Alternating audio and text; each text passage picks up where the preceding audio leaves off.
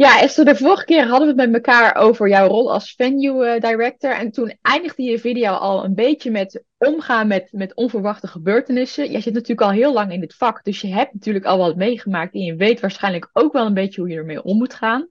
Maar ja, je kunt natuurlijk niet alles plannen van tevoren. Dus hoe ga je daar dan mee om als er iets gebeurt wat je niet op de planning had staan? Ja, eigenlijk um, een van de eerste tips die ik altijd geef aan mensen die ook in deze wereld willen werken, of die, uh, nou, waarmee ik werk, op bijvoorbeeld een WK, is um, ervan uitgaan dat dingen anders gaan zoals je die, dan, dan je die hebt gepland. Dus be prepared for the unprepared.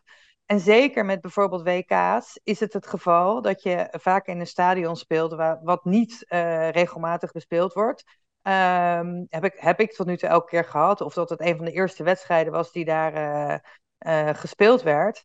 Um, we proberen het zo goed mogelijk voor te bereiden. Waar ik, altijd mee, eh, waar ik altijd voor zorg is dat ik mijn handen zoveel mogelijk vrij heb op de wedstrijddagen zelf. Dus dat ik eigenlijk iedereen heb gebriefd, zodat ik zelf um, er ben om brandjes te blussen.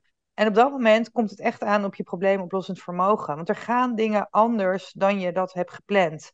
Altijd. En uh, een van de, voor mij de, het, het, het meest um, uh, sprekende voorbeeld daarvan was bijvoorbeeld tijdens de openingsceremonie van de um, Olympische Spelen in 2014 in, uh, in Sochi.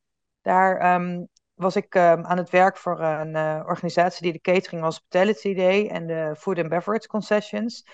En alles ging daar anders. Wij hadden het helemaal voorbereid. Het was een hele pittige voorbereiding sowieso. Het was een, uh, nou, voor mij eh, mijn, mijn, mijn, mijn pittigste project ever. ik weet dat ik erna dacht, nou, laat maar eventjes met al die events. Um, en wat gebeurde er? Um, we hadden om, even kijken, om, om, om uh, vijf uur zouden de deuren open gaan. Wij hadden onze mensen eigenlijk allemaal zouden starten rond 12 uur, 1 uur, zoiets. Um, zouden al onze mensen aan het werk gaan. En we hadden ruim 200 man personeel die dan de uh, catering en hospitality zou verzorgen voor die Olympic Family. En we hadden daar um, ongeveer uit mijn hoofd 2000 gasten. En dan moet je bedenken aan gasten van hoog niveau. Dus ook onze koninklijke familie was daar. Die waren dan op dat moment in de, in de Olympic uh, Family uh, Lounge. Wat gebeurde er daar? Om half twee kwam uh, de, ik denk dat het de FSB was, maar in ieder geval kwamen ze een bomsweep doen. En ze gooiden alles dicht. Wij moesten allemaal naar buiten. Normaal hebben ze dat, doen ze dat altijd in de periode daarvoor. Um, of ze doen het nou ja, in, in gedeeltes. Dat je zegt van nou bepaalde uh, de partial bomb sweeps. Dus dat, je, dat ze zeggen van nou we pakken een gedeelte en dan kan je wel doorwerken in het andere gedeelte. Maar nu werden al, werd al ons personeel op de gang gezet. Echt, we stonden letterlijk in het trappenhuis. En we konden niks doen. Echt, ja, niks doen behalve dan in de keukens. Daar mochten we dan wel aan de gang. Maar we konden bijna niks. En dan heb je dus zo goed voorbereid. Heb je zo goed gepland. En dan gebeurt dit om kwart voor vijf gooiden ze de deuren open. En zeiden ze, nou, we moeten alles klaarzetten. Nou, we hadden champagnetorens en dat soort dingen. Ik weet niet hoeveel glazen er gesneuveld zijn, omdat we als een idioot dingen moesten klaarzetten.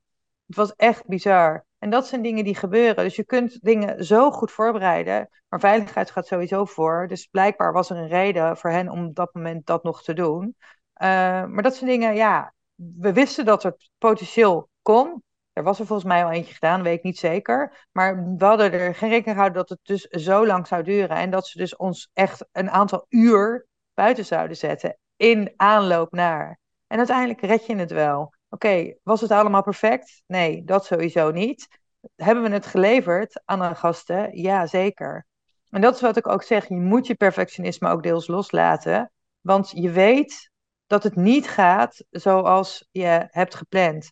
En het leuke van bijvoorbeeld zo'n WK, als je bijvoorbeeld bij een WK werkt, is dat je meerdere kansen krijgt, om het zo maar te zeggen. Dus wedstrijd 1 gaan dingen mis. Althans, mis. Ze gaan anders dan je hebt gepland. Um, een belangrijk punt bijvoorbeeld, en dat is bijvoorbeeld als, uh, in mijn rol voor, uh, als FIFA Marketing Venue Manager, is omgaan met security. We weten dat security altijd onze grootste uitdaging is. Want die stoppen mensen waar ze niet gestopt mogen worden. Die begrijpen nog niet helemaal het accreditatiesysteem. Dat soort zaken. We bespreken dat uitgebreid door. Echt tot in den treuren voorafgaand. En toch gebeurt het. Want je brieft iemand Maar ja, uiteindelijk staat die persoon staat niet op die plek. Want het zijn honderden mensen, soms duizenden mensen die dan ingezet worden op bepaalde plekken. Dus ja, op het moment dat jij die supervisor hebt gebriefd, moet je maar hopen dat dat nou ja, bij die persoon terechtkomt. Wij checken van tevoren, dus wij lopen nog rondjes om te kijken, oké, weten ze allemaal wat en hoe? En toch gebeurt het altijd dat je wordt tegengehouden. En inmiddels weet ik dat. Weet ik ook van, oké, dit is wat er gaat gebeuren. Um, dus daar ben je ook op ingesteld. En dan weet moet je gewoon weten, oké, wie zijn mijn contactpersonen?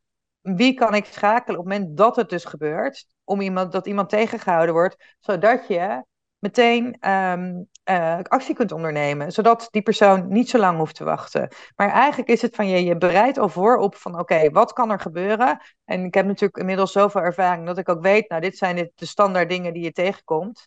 Maar um, ja, dat maakt het ook wel weer leuk. Ik bedoel, wat, voor mij is het dat ook manier, of in ieder geval de manier om te laten zien waarom ik daar sta. Op het moment dat het allemaal loopt zoals het hoort te lopen, ja, dan kan je iedereen daar neerzetten. Maar ik weet juist dat mijn kracht in, erin ligt om in oplossingen te denken en dan te zorgen dat dit soort rare situaties, en dit is dan niet een hele rare, want dit gebeurt altijd, maar dat die opgelost worden. Ja, en je zegt het al, je kunt dus van iets wat, wat het redelijk negatief is, wat, wat als iets anders loopt dan iets anders, dat dat ook je kracht kan zijn door daar op, die, op, die, op dat moment zo heel goed mee om te gaan natuurlijk. Ja, ja eh, eh, mooi, goede voorbeelden Esther, leuk, leuk om dat zo te horen.